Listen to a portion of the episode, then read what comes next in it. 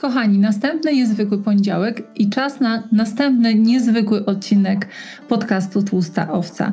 Dzisiaj moim gościem będzie Ola Tubielewicz, e, moja przyjaciółka, moja e, partnerka zawodowa również, ponieważ e, pracujemy obecnie nad wydaniem niezwykłej, duchowej, pięknie artystycznie oprawionej książki, która już niedługo, mam nadzieję, trafi również e, w Wasze ręce.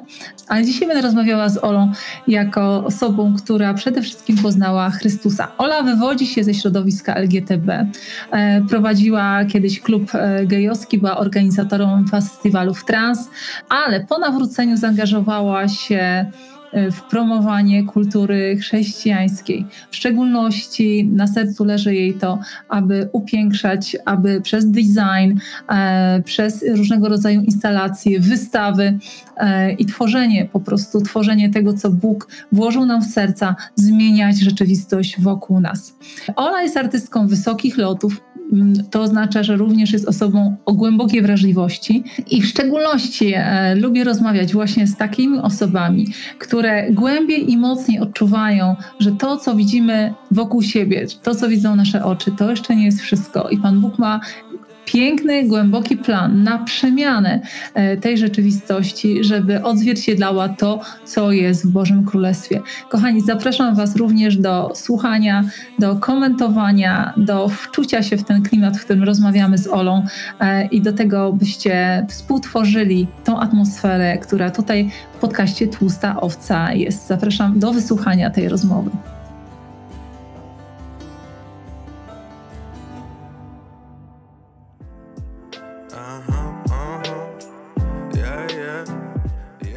Witaj w podcaście Agaty Strzyżewskiej Tłusta Owca.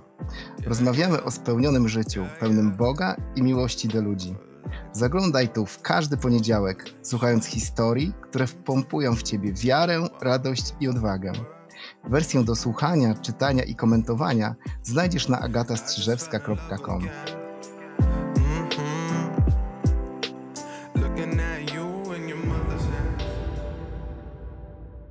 Drodzy słuchacze Tłustej Owcy, bardzo się cieszę, że teraz moich gości mogę Wam e, pokazywać również, ponieważ większość e, chrześcijan, z którymi rozmawiam, są, e, to są osoby, które są tak radosne, wesołe i piękne po prostu, że aż szkoda ich nie pokazywać. Dzisiaj rozmawiam z Olą Tubielewicz. Ola, bardzo się cieszę, że spędzimy ten czas razem. Będziemy rozmawiać na takie głębokie tematy. Witaj, witaj. E, Ole poznałam parę lat temu, pamiętam e, w kościele podczas pewnej konferencji, gdzie Ola opowiadała o swoim e, najnowszym dziele, która, które się nazywało Dziennik Nowego. Dzisiaj troszeczkę będziemy też o tym rozmawiać. I pamiętam, że wtedy zrobiłaś na mnie takie wrażenie niesamowitej profesjonalistki. Mało tego, że, że, że jesteś artystką, to jeszcze umiesz pięknie opowiadać o tym, co robisz. Masz takie głębokie poczucie misji E, I, to, co, to, co robisz, e, ma głęboki wpływ na to, co się dzieje w Kościele w Polsce e, i w Bożym Królestwie. I tak właśnie chciałam Cię zapytać, czy czy to było tak w Twoim życiu, że kiedy się nawróciłaś, to y, od razu wiedziałaś, że dalej chcesz używać tych swoich talentów artystycznych właśnie dla Bożego Królestwa? Czy umiałaś się odnaleźć w tej nowej rzeczywistości? Bo czasami jest tak, że, że ludzie, którzy się nawracają, to myślą, że całe życie muszą odrzucić, odrzucić że ono było całe grzeszne, e, nie chcą się cofać do tyłu e, i czasami zostawiają swoje talenty gdzieś tam na półce na wiele, wiele lat. E, i ze stratą po prostu e, dla, dla innych ludzi. E, jak to było w Twoim życiu? Czy była jakiś, jakaś rewolucja w Twojej głowie, jeśli chodzi o tą kwestię, czy od razu wiedziała, że też dalej chcesz być artystką, tylko teraz dla Bożego Królestwa? Wiesz co, też yy, dla, mnie, dla mnie sztuka i przebywanie w środowisku kultury od, no, odkąd pamiętam właściwie yy, nie wiem, nie wiem czy, znaczy, wydaje mi się, jak teraz pracuję trochę z młodszymi ludźmi często, to widzę, że oni nie wiedzą za bardzo, w którą stronę iść, na jakie studia i tak dalej. U mnie to było jasne od podstawówki. bardzo, bardzo byłam związana z tym środowiskiem i od samego początku bardzo celowo e, w nie wchodziłam, uczyłam się i tak dalej. E, I, i tutaj Takie też... tak, to, to, przywi- znaczy, to, była, to była fajna droga i też nie żałuję na pewno, ale, ale rzeczywiście, kiedy zaczęłam poznawać Boga, to, to nie było takie jednoznaczne dla mnie, że w tej kwestii też będę, będę szła za nim.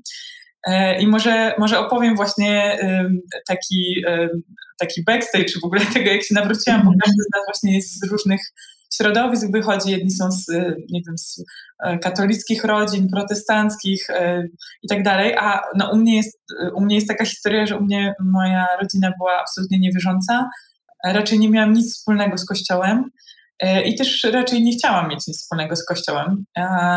Także byłam za, zaangażowana w ruchy feministyczne, też pracowałam w klubie gejowskim w tamtym czasie, kiedy, się, kiedy zaczęłam czytać Biblię, więc mówiąc bardzo wprost, nawracanie się było mi e, nie na rękę. No i też, też myślę, że w taki dosyć u mnie też relacja z Bogiem zaczęła się od czytania właśnie Biblii, więc jest to dla mnie jakoś tam szczególne i, i uważam, też bardzo lubię tą swoją historię za to, że jest po prostu taka że to nie jest tak, że kogoś spotkałam i ta osoba tak, wiesz, wywarła na mnie jakiś taki ogromny wpływ, chociaż oczywiście ktoś mi pokazał Biblię, ale, no, ale to była po prostu moja osobista droga e, i poprzez czytanie, poznawanie e, osoby Jezusa, e, Boga, no i później taka żywa relacja. Ale może opowiem właśnie kawałek, jak to, jak to wyglądało, mhm. E, też ze sztuką, że ja właśnie na pierwszym roku studiów zaczęłam czytać Biblię, kupując, kupując właściwie Nowy Testament tylko po to, żeby zaprzeczyć istnieniu Boga i wiedzieć, w kogo nie wierzę. No a, a później realnie tak samo szczerze musiałam uznać, że coś wiesz, zmienia się w moim życiu i że rzeczywiście moje serce też jest przemieniane. Także zaczęłam czytać Biblię i przez kilka miesięcy, jak ją czytałam, to, no to sama byłam taka lekko skonsternowana tą sytuacją e, i, i w ogóle tak, mm, taką żywością jakąś, no nie wiem, po prostu wiesz, to było mocno spektakularne dla mnie, a jednak absolutnie się na to nie nastawiałam, więc, no więc też dużo takiej szczerości w tym było, takiego krzyku, wiesz, pierwsze modlitwy, pamiętam jak pierwszy raz powiedziałam do Boga halo, zamiast powiedzieć nie wiem co. Ale Czyli byłaś taką osobą zupełnie niereligijną, która nie kumała jak tutaj tak. y, się powinno, powiedzmy tak. cudzysłowie. Wiesz, moje pierwsze pytania to były, że dlaczego jest Trójca Święta i czy mamy trójbóstwo na przykład, no nie? Także mhm. absolutnie nie wiedziałam nic. E, I rzeczywiście jak zaczęłam czytać Biblię i zaczął e, Bóg jakoś też realnie w moim życiu działać, e, na początku tak właśnie w takiej jakiejś kłótni, później, później jakoś tam w coraz większej przyjaźni, to, e, to wszystkie dziedziny mojego życia w taki naturalny sposób zaczęły być przemieniane, no i też poddawane mu. E, właśnie od finansów, e, relacji, związków, jak one powinny wyglądać i że nie dlatego, że ktoś mi tak każe, tylko dlatego, że to jest po prostu dobre i żebym nie robiła pewnych rzeczy, ponieważ po prostu bo cię kocham, a nie dlatego, że musisz, bo inaczej cię nie powiem ci, że nie jesteś moim dzieckiem, więc zupełnie od drugiej strony, od strony miłości, od strony um, takich prawdziwych pytań i żywych odpowiedzi, więc, e, więc rzeczywiście, jak możesz się domyśleć, to moje życie wtedy stanęło na głowie i to bardzo mocno. I tak jak każdą tą dziedzinę życia oddawałam Bogu po kolei i, i to było bardzo fascynujące, tak w sztuce było to dla mnie trudne, e, bo to była miłość mojego życia. I, e, I też gdzieś jest cały czas. E, no i na przestrzeni miesięcy e, wydawało mi się, że jakby daję Bogu zaglądać wszędzie i pokazuję Mu wszystkie moje jakby sektory mm. poza jednym. E, bo też nie wiem, dlaczego myślałam, że po prostu Bóg mi to zabierze, albo że w kościele nie ma na to miejsca, no właśnie, albo no po prostu nie widziałam, nie, jeszcze wtedy nie widziałam artystów w kościele. W ogóle jeszcze wtedy ledwo widziałam kościół, więc to nie było takie łatwe. E, no i co? I, i, i wiesz co? I, e, I był taki moment po wielu lekcjach z Bogiem, takich e, odnośnie akademii też, którą byłam bardzo związana, czy, czy właśnie ludzi tam związanych ze mną w, w tym środowisku, gdzie po prostu był taki moment, kiedy wiedziałam, że będę musiała iść na chwilę do jakiejś pracy, bo tam kończyły mi się stypendia, zaczynały się chyba wakacje ale też e, bardzo nie chciałam robić czegoś tak, wiesz, tak bez sensu. I pamiętam, że był taki moment um, jakiegoś takiego kilkudniowego postu chyba. Ja zostałam wtedy w domu, nie poszłam na uczelnię i usiadłam i po prostu powiedziałam, Boże, um, ja już, ja po prostu, ja Ci to oddaję. Jak chcesz, to zabierz, zabierz tą akademię. Tak, tak się modliłam, bo jeszcze wtedy go tak dobrze nie znałam e, zabierz mi tę akademię. Ja pamiętam, że powiedziałam, że mogę iść, wiesz, pracować do mięsnego, bo wydawało mi się, że to jest najgorsza praca świata. E, ale żeby, żeby to po prostu było e, z nim, nie? że pójdę tam, mm. poślesz. Mogę wyjść z akademii dzisiaj, e, mogę robić co zechcesz. Nie?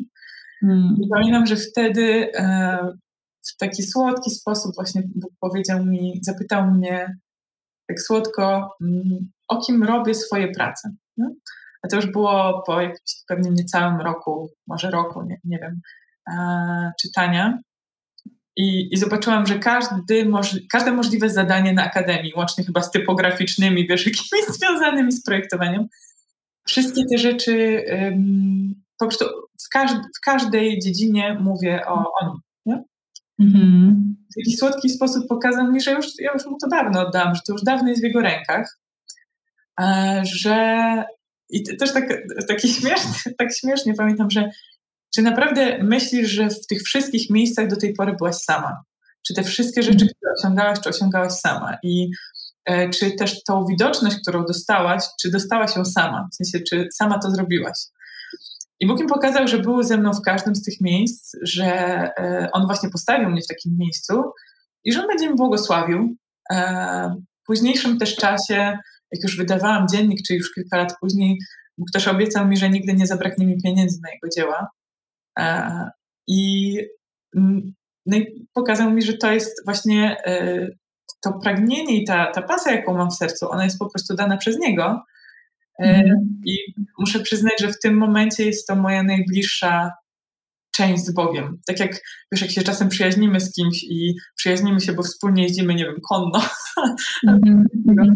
no to ja wspólnie z Bogiem robię projekt. I to jest, to jest e, no. najbliższe, no, No Bóg jest y, największym artystą, tak, więc to nie dziwię się, nie dziwię się, że razem tworzycie i to jest takie bardzo spójne dla mnie. E, wydaje mi się, że jednak trudniej w tym mięsnym by było, nie? W tym mięsnym tak trudniej tego Boga gdzieś znaleźć niż, niż kiedy się jest artystą. E, powiedziałaś, że y, był taki etap, kiedy nie widziałaś w kościele jeszcze artystów, jakby nie widziałaś um, takich możliwości, żeby tą swoją pasję, swoją miłość um, wyżywać, tak, po chrześcijańsku, tak? Mhm. E, powiedz mi, czy to się teraz e, zmieniło? Czy jakby teraz widzisz e, zupełnie inaczej te sprawy? Czy widzisz więcej osób, które są artystami? Czy może nawet ci się udaje coś współtworzyć z takimi ludźmi? I czy widzisz więcej zastosowań dla sztuki w kościele? Mhm. Już to dla mnie ogromnym przełomem był właśnie ten 2015 rok, kiedy zrobiłam dyplom i właśnie Dziennik Nowego Testamentu.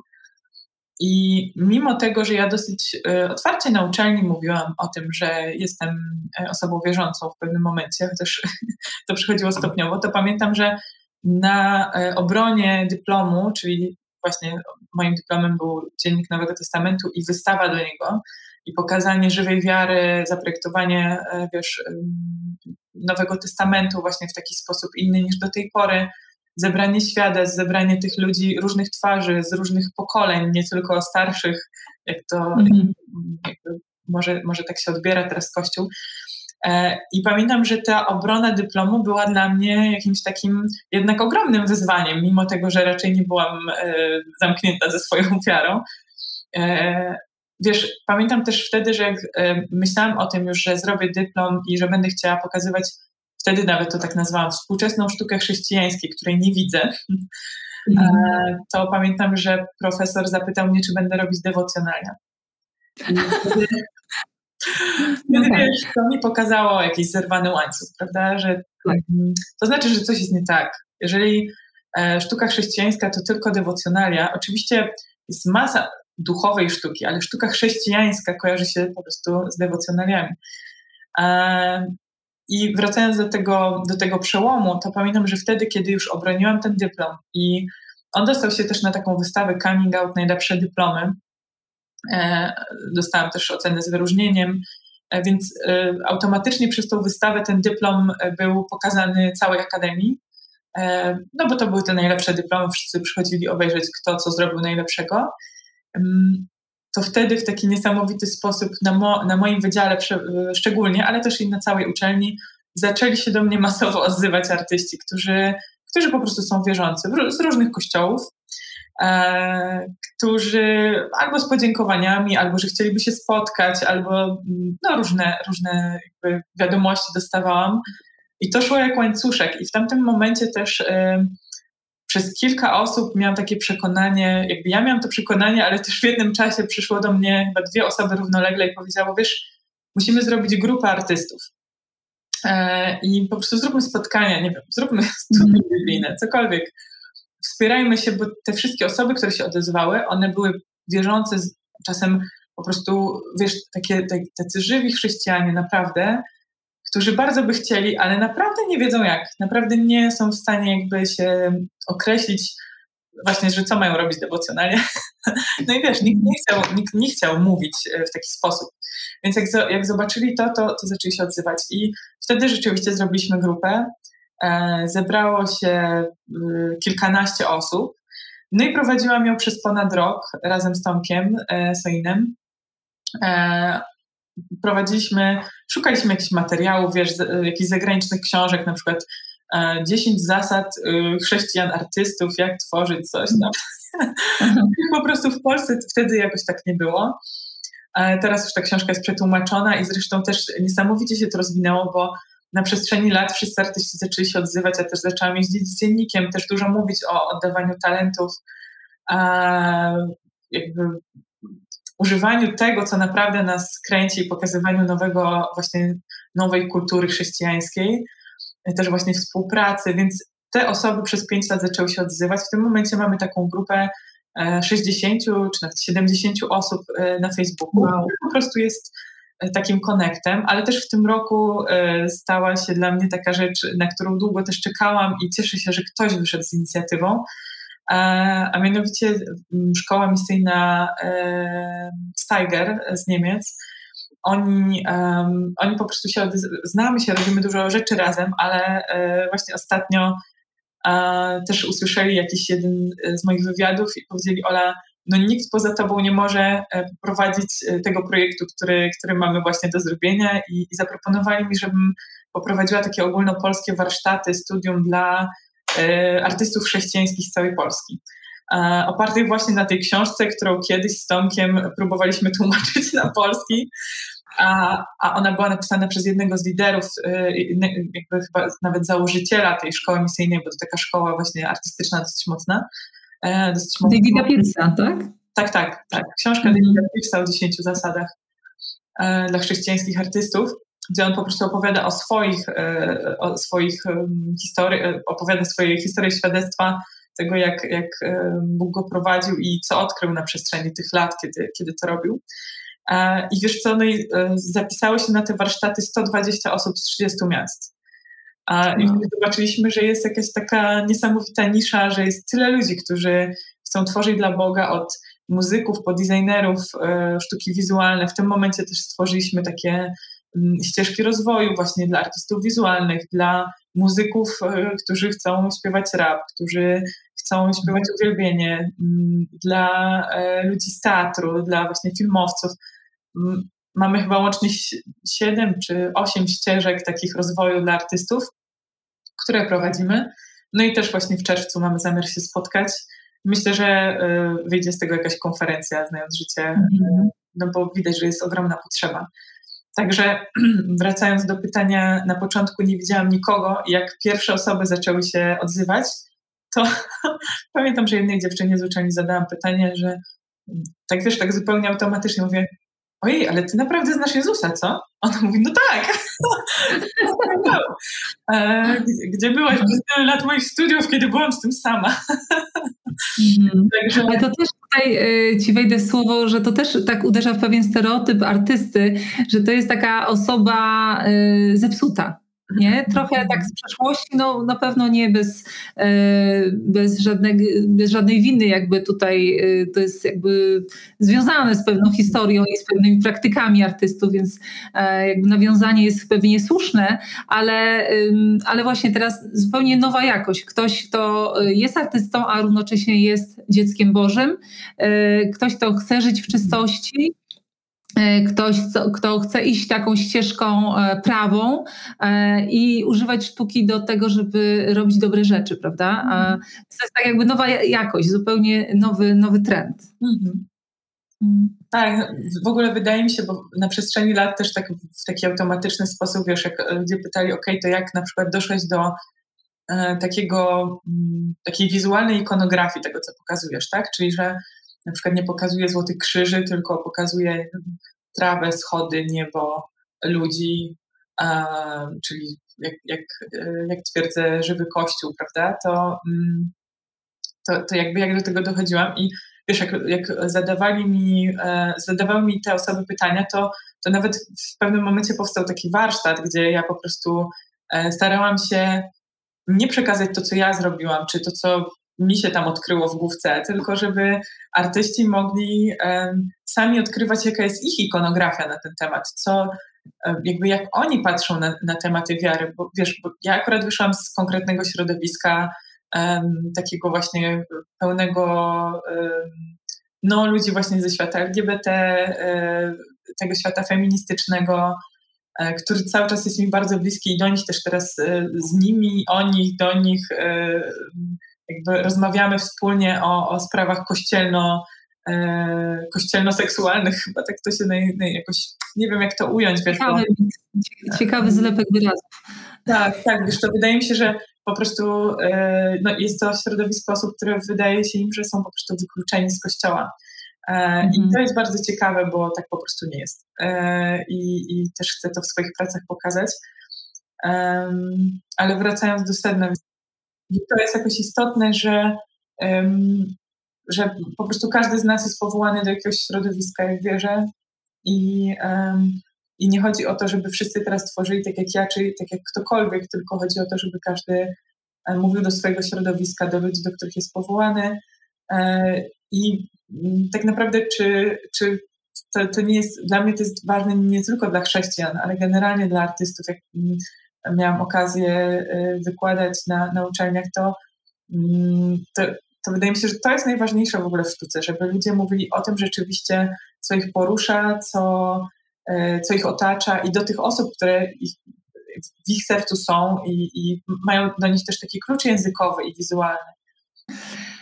Ola, nawet nie wiesz, jak mnie cieszy to, co mówisz, bo tak sobie myślę, mm, że nie tylko artyści, ale, ale każdy człowiek, każdy chrześcijanin e, powinien odnaleźć taki swój głos. Tak? Ty mówisz tutaj o jakiejś, o jakiejś tam wizualnych, e, wizualnej komunikacji, tak? ale każdy z nas ma coś do przekazania światu i każdy z nas jakby musi odnaleźć tą swoją wyjątkową, specyficzną ścieżkę komunikacji z tym światem. I e, jeżeli Bóg jest dla nas ważny i, i, mamy o nim mówić, no bo mamy pragnienie o nim mówić, to dobrze, kiedy to robimy nie pod wpływem jakichś schematów, czegoś, co nas.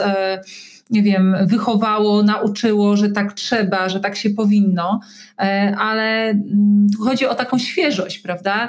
Bóg, Bóg jest e, bardzo twórczy i kiedy mamy z Nim łączność, to On też sprawia, że w twórczy sposób pokazuje nam, jak komunikować się z tym światem, jak, jak możemy o Nim mówić, jak możemy wyrażać swoją radość, swoje pragnienia, e, swoje marzenia. I, I, bardzo mnie to cieszy, że mm, że udaje ci się tworzyć takie środowisko, w swoim przypadku to są artyści, ludzi, którzy pragną tworzyć, pragną też się wspierać w tej twórczości, e, inspirować do tego, żeby znaleźć właśnie jakieś miejsce, kawałeczek swojego miejsca w Bożym Królestwie. Mi to jest bardzo bliskie, bo przez wiele lat próbowałam sama odnaleźć takie miejsce i wydawało mi się, że nigdzie nie pasuje. E, ja akurat tobie zazdroszczę, że byłaś taką osobą, która od małego wiedziała, że chce być artystką. E, ja bardzo długo nie wiedziałam, kim jestem i kim mam być. E, I dopiero w sumie po 40, czyli stosunkowo niedawno odkryłam, że, e, że moim powołaniem e, jest bycie nauczycielem, takim, taką inspiracją, też ma być takim budowniczym fundamentów, ale to były dopiero takie wnioski, które mm, niedawno odkryłam, niedawno do nich doszłam, bo przez ten cały czas bycia w kościele patrzyłam na innych ludzi i myślałam, o to jest pastor, o to jest prorok, to jest misjonarz, ta osoba tutaj robi takie rzeczy i ja nigdzie nie pasowałam, wiesz, i bardzo było mi tak trudno mm, zrozumieć, że Bóg ma dla mnie wyjątkowe miejsce, które niekoniecznie musi być nazwane jednym wyrazem, tak? Bo często szukamy takich definicji e, właśnie artysta, pastor, e, nauczyciel, a Bóg czasami nas kładzie w takim, na takim styku różnych środowisk czy działań, gdzie jeszcze nie ma na to nazwy, jakby jeszcze nie ma takiego zawodu, który na przykład ja teraz wykonuję. Jak ktoś mnie pyta, kim ja jestem, to mi jest naprawdę trudno powiedzieć, kim ja jestem i co ja robię, bo robię tak wiele rzeczy z różnych dziedzin e, i właśnie na styku różnych środowisk, e, że musiałabym chyba z godzinę spędzić, żeby komuś wytłumaczyć tak dokładnie, co ja robię. Więc zazwyczaj się kończy na tym, że ja mówię, że jestem misjonarzem. to jest jakby, to jest jak najbliżej, e, bo jest to rodzaj misji, którą prowadzę, ale która jest bardzo specyficzna. Więc no to, że, że artyści mają swoje miejsce, powinni mieć swoje miejsce w kościele, bo to, że mają w Bożym Królestwie jest oczywiste, ale jakby ten kościół tutaj nie do końca nadąża, mi się wydaje. E, nie wiem, czy też masz takie wrażenie, bo czasami mnie aż dusza boli, kiedy wchodzę do pewnych budynków czy wnętrz, bo jestem akurat pod tym względem mocno wrażliwa. E, i tak mnie boli, wiesz, że, że nie ma tutaj jakiejś artystycznej duszy, która by wzięła to w swoje ręce i po prostu stworzyła coś czarującego. A, a wiem, że jest to możliwe, tak, bo, bo mamy dużo e, artystycznych dusz e, w kościele i gdyby im tak pozwolić, tak, pozwolić zaszaleć, zaufać im też, że stworzą coś pięknego, Um, wiem, że to też jest Tobie bardzo bliska idea, żeby, żeby właśnie upiększać, prawda? Żeby, żeby mieć wpływ na, na, na lokalny kościół również.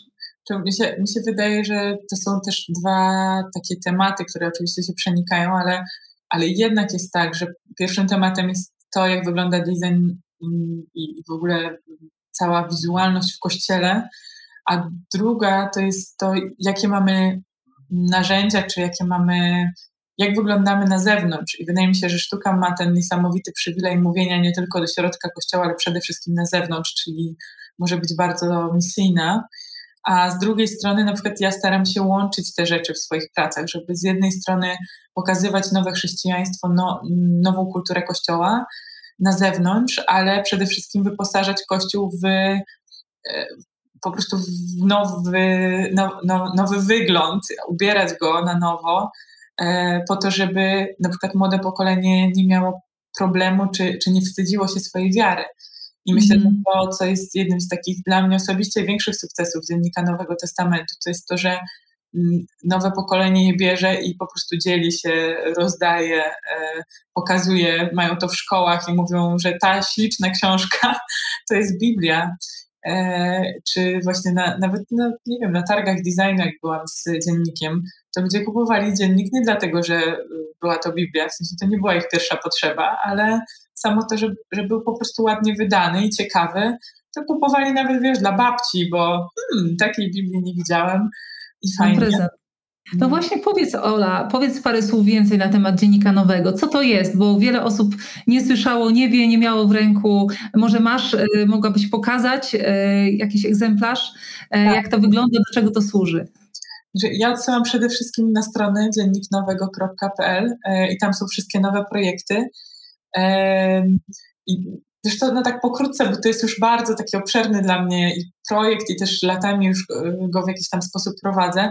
E, Dziennik Nowego Testamentu był właśnie moim dyplomem, gdzie e, stworzyłam no, współcześnie zaprojektowany, jeżeli chodzi o typografię, czyli to, jak on jest złożony sam tekst, czyli e, to, że złożyłam Biblię na papierze, na którym można pisać, Zostawiłam e, marginesy, po których można tam sobie notatki swobodnie, jakby te zapisy tak. są swobodne. E, więc to taka, taka pierwsza potrzeba, którą zauważyłam. Druga to oczywiście e, potrzeba pokazania współczesnego kościoła i ludzi w różnym wieku, więc są tam też świadectwa. Z portretami. W pierwszej edycji dziennika to były portrety stworzone ręcznie na kamieniach litograficznych i generalnie bardzo taka, mm, no cały prototyp był tworzony ręcznie, e, szyty ręcznie i to właśnie był mój, e, mój dyplom magisterski. E, I właśnie w 2015 roku wydaliśmy tysiąc sztuk tego dziennika i on się rozszedł właściwie od razu.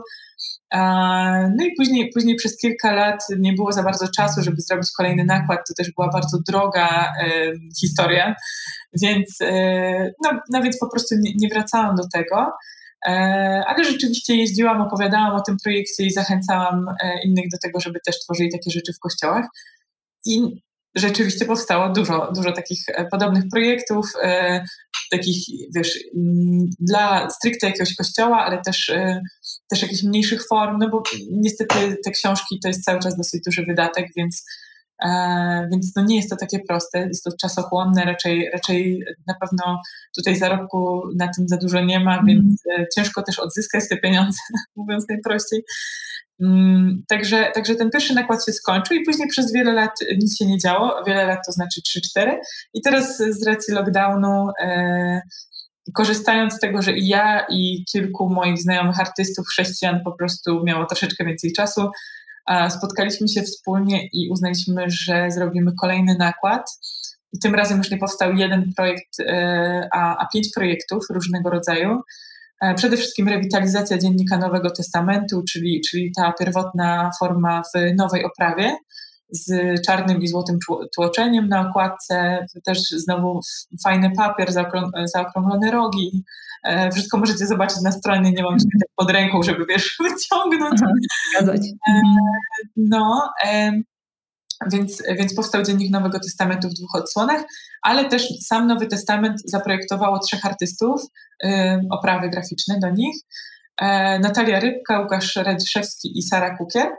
Każdy z nich jest troszeczkę z innej dziedziny sztuki, jakby w innej dziedzinie się porusza. Natalia jest malarką, więc jej okładka jest ona, ona też no, bardzo takie precyzyjne rysunki i, i, i dzieła tworzy, więc ta okładka wygląda tak i jest na takim papierze drukowana, jakby, wiesz, jakby po prostu dosłownie Natalia usiadła, narysowała okładkę, wstała i jest bardzo taka handmade'owa. Druga okładka to okładka Łukasza Radziszewskiego, który zajmuje się w, między innymi swojej twórczości czasem, Łukasz nie jest związany z żadnym kościołem, e, po prostu przyjaźnimy się od kilku lat i pomyślałam o tym, że fajnie będzie go zaprosić do tematu, dać mu, dać mu możliwość stanięcia też przed taką, takim wyzwaniem. I rzeczywiście Łukasz no, niesamowitą okładkę zrobił, bo on e, właśnie w swojej twórczości zajmuje się między innymi czasem, zbiera też przedwojenne przedwojenne chyba, zegarki Kierowskiego, takie rosyjskie zegarki bodajże. I on po prostu na okładce Biblii zrobił e, rozetę, tego, taką charakterystyczną rozetę zegarka, tylko poszerzył, um, poszerzył jej czas z 24 do 72 godzin. I opisał też z tyłu, że dla niego nowym przymierzem, czasem nowego przymierza jest ten czas, kiedy od Jezusa, który został krzyżowany do zmartwychwstania, że wtedy dokonało się nowe przymierze. E, więc bardzo, bardzo też taka, myślę, mhm. fajna, przemyślana podejście. Takie świeże podejście do, do tematu. Mhm. Dokładnie, myślę, że to z tego, co, z tego, z tego, co opowiadasz, to, y, no, to jest fascynujące, że właśnie można wyrażać takie y, subtelności, że tak powiem, subtelny sposób wyrażać e, Ewangelię właśnie przez sztukę.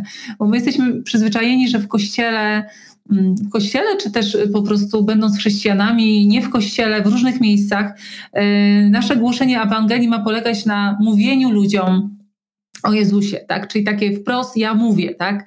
A wiemy z Biblii, że, że kiedy czytamy, że Bóg przemówił, że Bóg coś powiedział, to niekoniecznie On powiedział swoimi ustami, wypuszczając fale radiowe, tylko On skomunikował się z nami w jakiś sposób, tak? To może być sen, to może być wizja, to mogą być słowa, ale nie muszą.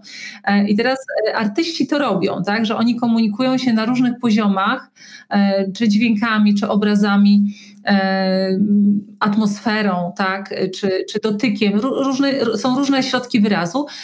I to jest dla mnie takie piękne, wiesz, że że my możemy się tego uczyć, y, że jakby ten taki typowy sposób patrzenia na głoszenie Ewangelii możemy tutaj rozszerzyć e, na sztukę i w artystyczny sposób po prostu komunikować się ze światem, bo e, na pewno też to zauważyłeś, że, że retoryka kościołów chrześcijan jest taka mocno dogmatyczna, taka sucha, kategoryczna, taka skupiona na nauczaniu, tak? Że ja teraz ci powiem, jak jest. Ja ci teraz wyprostuję twoje myślenie, ty myślisz źle, ja myślę dobrze i teraz ci powiem, jak to ma być. E, I myślę, że, za, e, że jakby skutkiem tego jest to też, że ludzie nie chcą słuchać o Bogu, bo oni nie chcą takiej postawy. Ja, ja też pochodzę z rodziny, która była niewierząca i dla mnie te wszystkie takie religijne oprawy, mm, rozmowy, właśnie słownictwo, e, szaty, zapachy, to wszystko dla mnie było takie wsteczne, że tak powiem, takie średniowieczne, wiesz, takie niekojarzące się z niczym dobrym, tylko z jakimś zacofaniem, z jakimiś zabobonami. I, i kiedy ja zaczęłam odkrywać Boga też przez Biblię, tak jak ty, to, za, to również nie miałam schematów religijnych, jak to ma wyglądać, dlatego być może byłam bardziej otwarta na te takie inne formy. I też w szkole słuchania Boga mojej uczę wrażliwości na Boga, który mówi w różny sposób, również przez sztukę. E, no i teraz właśnie pytanie do ciebie, Ola, bo, e, bo ty na pewno też dostrzegasz ten potencjał w sztuce, który, który leży, spoczywa, który my jako chrześcijanie możemy po prostu wziąć i, i, używać do komunikacji ze światem, ale to z pewnością wymaga większej wrażliwości niż takiego po prostu teraz ci powiem.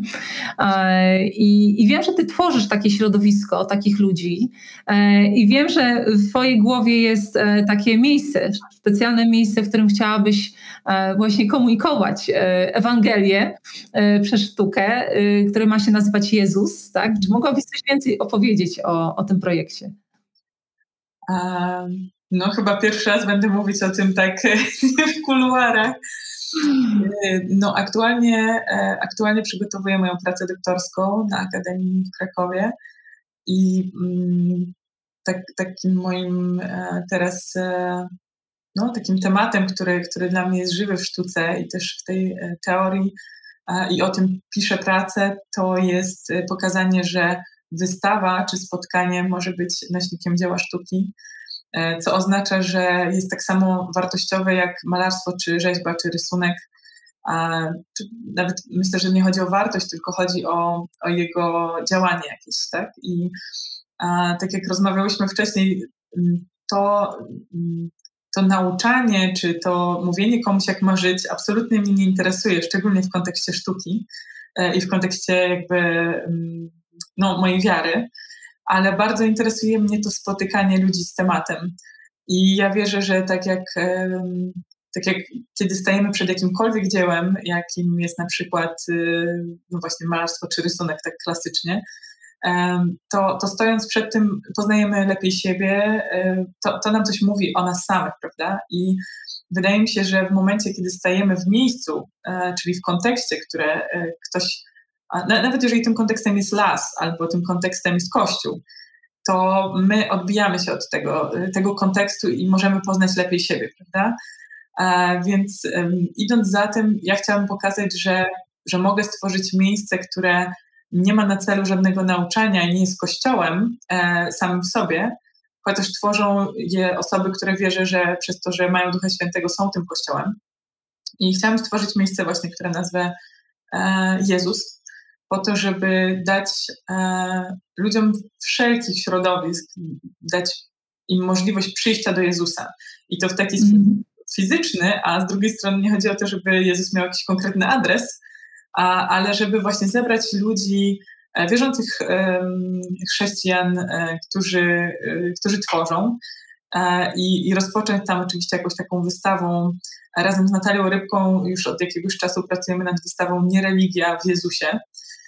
Wszystkie wystawy, które będę tam pokazywać, to będą wystawy w Jezusie i też osoby w Jezusie, na przykład artyści w Jezusie. I nie będą to tylko artyści chrześcijańscy, bo też chciałabym dać możliwość osobom ze skrajnych, y, skrajnie jakby innych poglądowo środowisk do tego, żeby mogły znaleźć się w Jezusie i wypowiedzieć się na ten temat w wolności, bo wierzę, że, że nie będzie to żadna profanacja, ale będzie to danie możliwości stanięcia takiej osoby, która zwykle raczej nie chce mieć nic z nim wspólnego, w miejscu, w takim kontekście, który narzuci jakieś, jakby coś się w nim na pewno wydarzy. Pytanie co? E, ale też oczywiście wiele osób mnie pyta, czy będę jakoś nad tym panować, albo czy będę jakoś kuratorować, albo coś w tym stylu. No i właśnie też przez to chciałabym pokazać, że, że no nie, że moją pracą jako osoby, która tworzy kontekst, tworzy wystawę, tworzy miejsce, nie jest, moim zadaniem nie jest kuratorowanie ani nadzorowanie czegoś merytorycznie, tylko danie i artystom, i osobom, które przyjdą zobaczyć tą wystawę, takiego absolutnej wolności odbicia się od tego, co zobaczą, co usłyszą, e, czy buntu, czy, czy czegokolwiek innego. Więc powstaną wystawy w Jezusie, konkretnie artyści, na przykład mam też nadzieję na swoją wystawę w Jezusie, czyli Aleksandra Tubylewicz w Jezusie. E, będą też, będzie też wystawa o kobietach i generalnie o tym, jak Biblia pokazuje, jak, jak nadaje wartość kobietom w moment, jakby tutaj pewnie, pewnie będzie też jakaś osoba taka e, teoretyczna, zaangażowana, która pokaże, jak, e, jak Jezus wbrew temu, co środowiska właśnie feministyczne twierdzą, jak, jak, e, jak dużą rolę odgrywa Biblia i Jezus w nadawaniu wartości kobietom na przestrzeni. Mm. No więc, więc będą takie tego typu eventy wewnątrz Jezusa. Będą też śniadania w Jezusie, będą pytania niemożliwe Jezus, w Jezusie, debaty w Jezusie, Będę też bardzo chciała zaprosić środowiska właśnie uważające się za wykluczone, e, żeby porozmawiać o tym wszystkim, co nas nurtuje i co nurtuje ludzi spoza Kościoła, czyli o tym, jak mm, właśnie jak Kościół ma się z osobami LGBT, jak e, właśnie co z kobietami, co z małżeństwem, co, wszystkie te tematy, które teraz są rzeczywiście mm, takie, takie gorące dla, dla społeczeństwa. E, Także tak, e, jest, jest, taki, jest to taki dosyć obszerny projekt, który jest już stworzony od wielu miesięcy, czeka na swoją realizację, ale ze względu na to, że mamy pandemię, no nie jesteśmy w stanie jeszcze tego otworzyć. Mm -hmm. Ale Ola, to jest coś niesamowitego, wiesz, to co mówisz, to tak mi od razu takie słowa brzęczą w głowie e, wolność i przestrzeń. Wolność i przestrzeń. E, bardzo blisko mojemu sercu, bo y, dające właśnie miejsce człowiekowi do spotkania z Bogiem bez jakiegokolwiek takiego wywierania, wiesz, presji, tak? Bo jednak pewna presja jest, że to musi być w pewien sposób, że to musi być w, pewien mie- w pewnym miejscu, że to musi być tak, a nie inaczej, e, ponieważ ja się tak nawróciłam, powiedzmy, tak, ja tak spotkałem Boga, więc teraz inni też e, powinni w domyśle spotkać tak Boga jak ja. I teraz to, co chcesz stworzyć e, z grupą przyjaciół, miejsce, w którym ludzie mogą spotkać się z Jezusem bez, bez takiej presji, że no jak się z nim spotkałeś, to teraz się musisz nawrócić, to teraz musisz chodzić do kościoła, tylko y, że możesz mieć pytania, możesz mieć wątpliwości, możesz wręcz nie chcieć takiego Jezusa, prawda? Możesz też nie chcieć tam wejść i to też coś ci o tobie powie, tak? Jakby to nie chodzi tylko o to, żeby wszyscy tak weszli i tak się jednoznacznie wszyscy tak. rozpoznamy Jezusa. To absolutnie nie o to chodzi. Chodzi o to, żeby w ogóle dać możliwość um, społeczeństwu wejścia, wyjścia, zostania, um, zaczerpnięcia czegokolwiek w wolności. Jeżeli ktoś nie będzie chciał wejść do Jezusa, to jest jego wybór, też ma do tego jakby prawo i możliwość, tak? Jeżeli będzie chciał wejść, to super. Dla mnie niesamowitym, e, bo wiesz, teraz jak rozmawiamy, gadamy o tym na luzie i wydaje mi się, że już tak się nauczyłam, że otwieram Jezusa, no fajnie, ale jest, jest też dużo osób zaangażowanych, one są jakby i osób z kościoła, i osób spoza kościoła, to też jest niesamowite, bo na przestrzeni miesięcy rozmawiałam też z wieloma osobami z miasta, z klubów na Placu Zbawiciela, Zbawiciela gdzie chcemy to zrobić, czy, czy innych miejsc. I wiesz, i spotykałam się, już tak się nauczyłam, że nawet się wiesz, już nawet nie to, że ja się wstydzę czy nie, po prostu mówię, mhm. więc po prostu mam taki pomysł, chcę to zrobić. I jeszcze nie spotkałam się z tym, żeby ktoś miał coś przeciwko a ludzie, wiesz, z różnych środowisk mówią, że mi pomogą, że to jest potrzebne, że w ogóle społeczeństwo teraz tego potrzebuje. Mm. A wiesz, a na początku było tak, że jak ja miałam o tym powiedzieć, to najpierw się paliłam jakoś tak, nie wiem, ciężko mi było. E, pamiętam, że też moja kochana pani profesor e, powiedziała, że, że to, że to wywołuje takie wibracje, że to tak wiesz, że tak coś cię boli, jak mówisz, że chcesz otworzyć Jezusa, że to nie, to nie wywołuje buntu, tylko um, ludzi spoza kościoła, ale ludzi w kościele też, że to jest mhm. działanie na takiej granicy, że um, i z jednej i z drugiej strony na pewno będzie e, hejt, bluźnierstwo i w ogóle masakra. Bo to, to jest, dla mnie to jest jak mhm. się wydarzy, niestety lub stety, ale to też jest odpowiedź. E, to, to też jest przejrzenie mm. sytuacji, więc, więc cieszę się na to. Tak. E, Wiesz co, to, to też jest odpowiedź, e, wierzę, na taką potrzebę społeczeństwa teraz po tych różnych skandalach, trudnych przejściach dotyczących dotyczących duchowieństwa w kościele katolickim, jakiegoś kryzysu wiary również na tym tle, no bo rozczarowanie autorytetami. Wiele osób porzuca Kościół, ale nie tylko Kościół, ale również Boga porzuca, bo Bóg im się kojarzy z kimś takim, który e, którym, któremu się podoba to, co się dzieje w kościele. Tak? I, i teraz e, wydaje mi się, że szczególnie teraz właśnie potrzebne jest stworzenie takich miejsc, gdzie ludzie nie będą czuli, że o, to jest następny kościół, następny kościół, w którym znowu a, doświadczę y, jakiegoś gwałtu, no bo to jest rodzaj przemocy, tak, co się dzieje w, w kościołach różnych. Y, tylko, że jest to miejsce, y, które, do którego można wejść, wyjść, gdzie nie ma zobowiązań, gdzie nie muszę podejmować jakichś decyzji, że nikt ode mnie niczego nie chce, tylko mogę czegoś doświadczyć. I, I, Jezus też to robił, że on e, nie przymuszał ludzi, żeby za nim szli, e, nie wciskał im religii przez gardło, Dokładnie. tylko pozwalał im doświadczyć Bożej dobroci i oni wtedy mogli podjąć decyzję, czy oni tego chcą, czy chcą więcej, tak? czy chcą więcej takiego Boga, czy, czy też nie chcą. I, i dawanie takiej, takiej przestrzeni jest, jest czymś pięknym. To, to z pewnością dla wielu osób będzie takie dosyć szokujące, bo, bo no właśnie, bo to jest znowu jakieś zjawisko, którego nie można ująć w pewnych słowach, nie można tego gdzieś tam zaszufladkować, e, ale spotkanie człowieka z Bogiem, E, powinno wystarczyć, że tak powiem, tak? E, bo jeżeli polegamy na Duchu Świętym i rozumiemy, że, że to nie my prowadzimy ludzi do Boga, tylko to Duch Święty przekonuje o grzechu, sprawiedliwości, o miłości Boga, o, e, o tym, że, że, że Bóg ma dla nas wspaniałe życie, to jeżeli my polegamy na tym Duchu Świętym, to naszym zadaniem powinno być po prostu doprowadzenia, doprowadzenie do takiego spotkania Mhm. człowieka z Bogiem, a całą resztą zajmie się Duch Święty, prawda? Tak, wolności po prostu. I też, wiesz, ja to widzę, bo na przestrzeni lat y, stworzyłam wiele prac, które może nie były Jezusem samym w sobie, ale mówiącym o nim w taki czy inny sposób. Angażującym też, y, angażowałam y, prawie zawsze też inne osoby do tego z różnych środowisk. Właśnie przeważnie tworzę takie społeczne mm, projekty.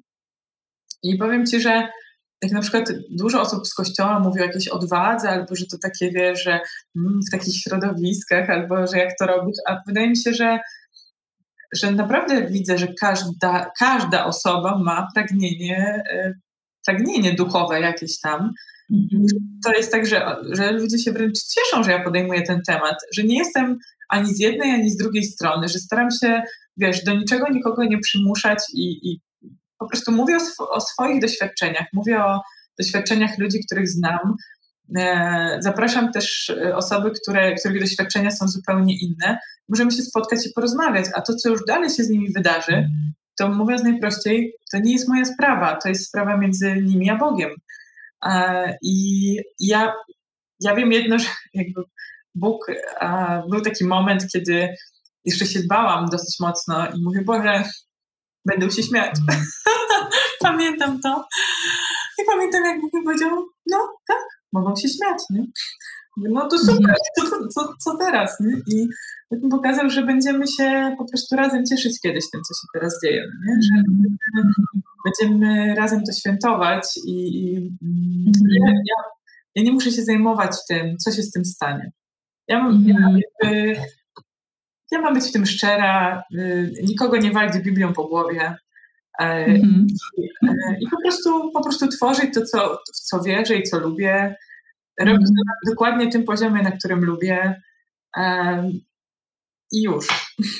I tylko Bóg może mnie osądzić, a też, yy, a, że robię to z Nim, to, to wierzę, że, że jestem w zgodzie ze sobą i ze swoim duchem. Mm-hmm. No. no to, co, to, co robisz i to, co jest Twoim powołaniem, jest bardzo mi bliskie, bo e, ja bym to tak nazwała, że to co, e, to, co robisz, jest takim działaniem pomiędzy. Pomiędzy na styku e, różnych środowisk, różnego podejścia do Boga i tworzeniem takiej, takiego gruntu, który nie należy do nikogo. Jakby nie, nie jest to jakaś taka ziemia, która, gdzie ktoś musi się jakoś określić koniecznie, tylko to jest takie miejsce bezpieczne. I to jest coś podobnego, jak, jak my tworzymy kościół uliczny y, w Gdańsku, y, gdzie mówimy, że to jest takie, taki kościół, do którego można wyjść, y, przyjść, przejść przez niego nawet, niekoniecznie się jakoś zobowiązując, czy coś z niego biorąc, ale, ale właśnie przez to, że jest taka wolność, to, to ludziom łatwiej się otwiera, łatwiej się mówi o swoich nawet bardzo intymnych sprawach i E, czasami nas pytają, jak to możliwe, że wy się modlicie na ulicy, tacy przechodnie, no bo że bezdomni, że biedni, no to rozumiemy, ale że ludzie, którzy po prostu, nie wiem, są urzędnikami, nauczycielami, e, nawet księżmi, zatrzymują się, rozmawiamy, za chwilę się modlimy wspólnie i to publicznie.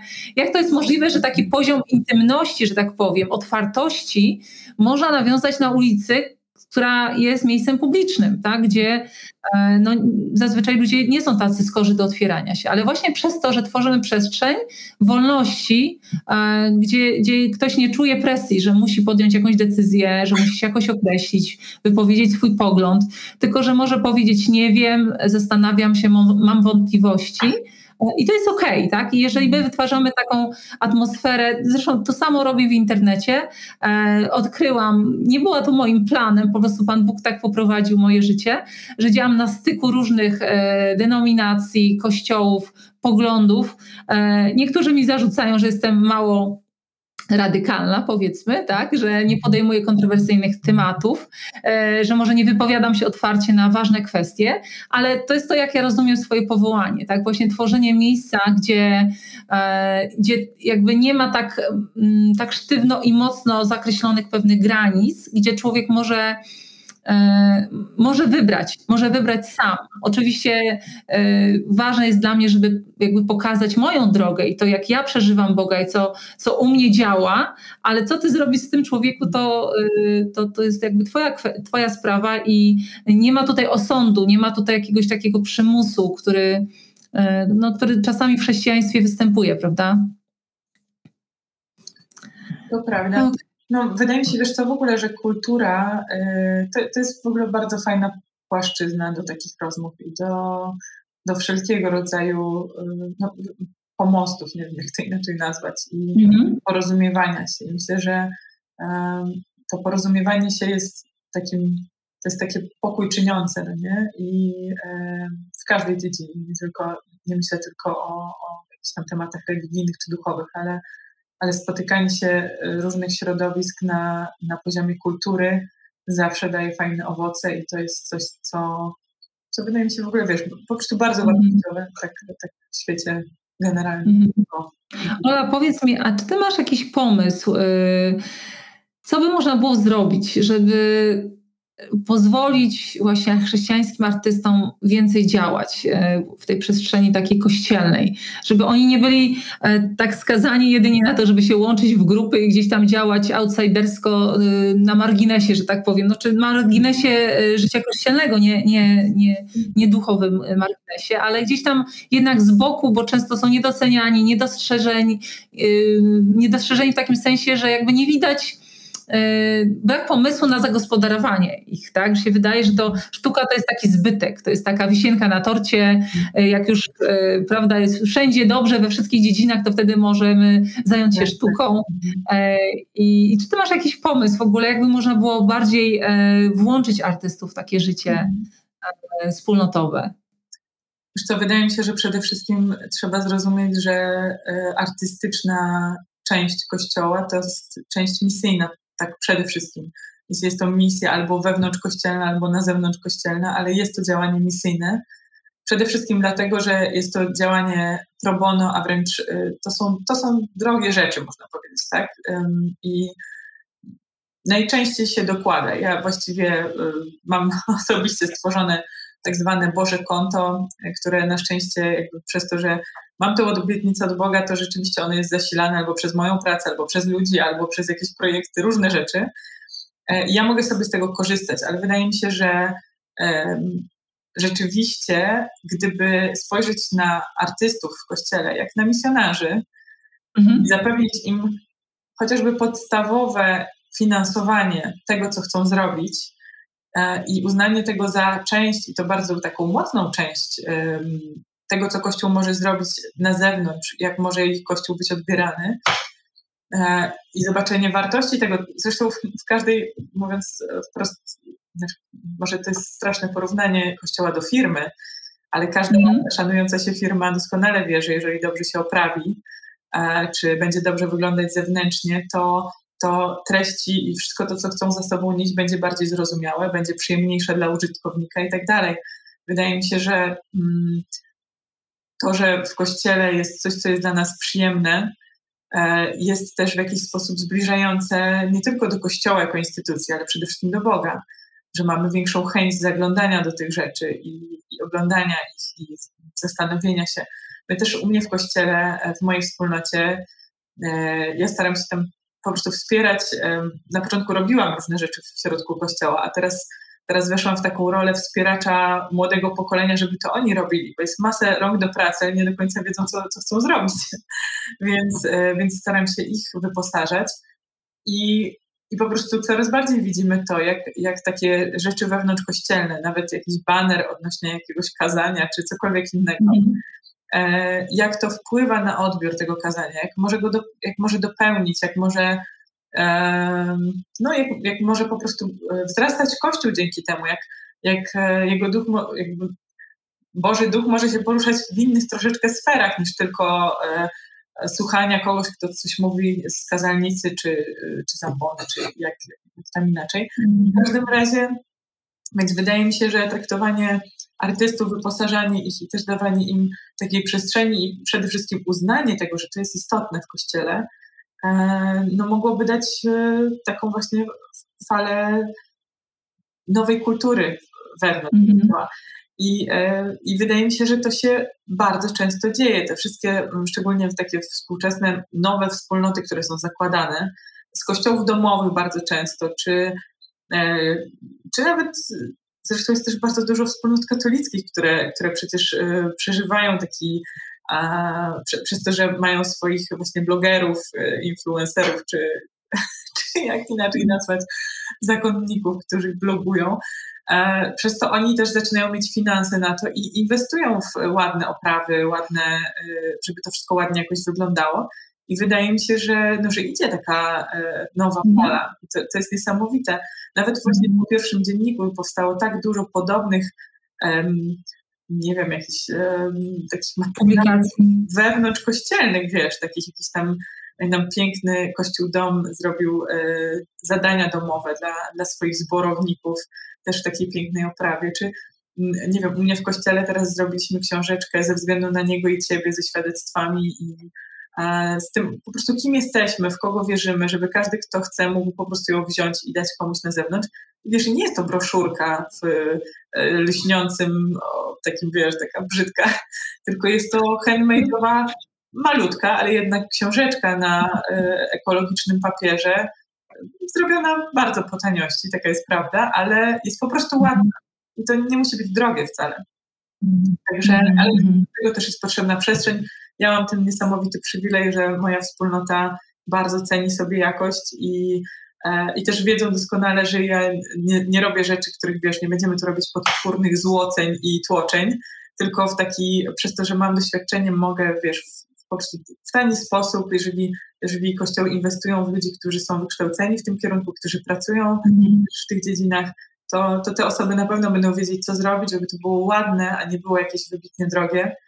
No i to tworzy tą nową kulturę. No właśnie, dwa razy już podczas tej rozmowy powiedziałeś o nowej kulturze, o nowej kulturze, no i pod względem e, artystycznym, pod względem e, takim profesjonalnym, prawda? To, co zauważyłeś, że w ostatnim czasie kościoły uczą się, jak e, komunikować się ze światem również wizualnie, żeby to było piękne, żeby to było e, czytelne też, bo to, jest, to też to nie jest tylko kwestia estetyki, tylko właśnie dobrej komunikacji, tak? Bo, tak ja lubię mówić, że Kościół lubi odpowiadać na pytania, których ludzie nie stawiają wcale. Mhm. Czyli my lubimy mówić o tym, co my lubimy mówić, a niekoniecznie dostrzegając potrzeby tego świata. Tak? I teraz taka komunikacja wizualna to też jest branie pod uwagę, że ludzie, e, że ludzie mają oczy, że ludzie lubią patrzeć na piękne przedmioty, na piękne miejsca, e, że piękno jest wyrazem Bożego charakteru, bo Bóg taki jest, On nas takimi uczynił.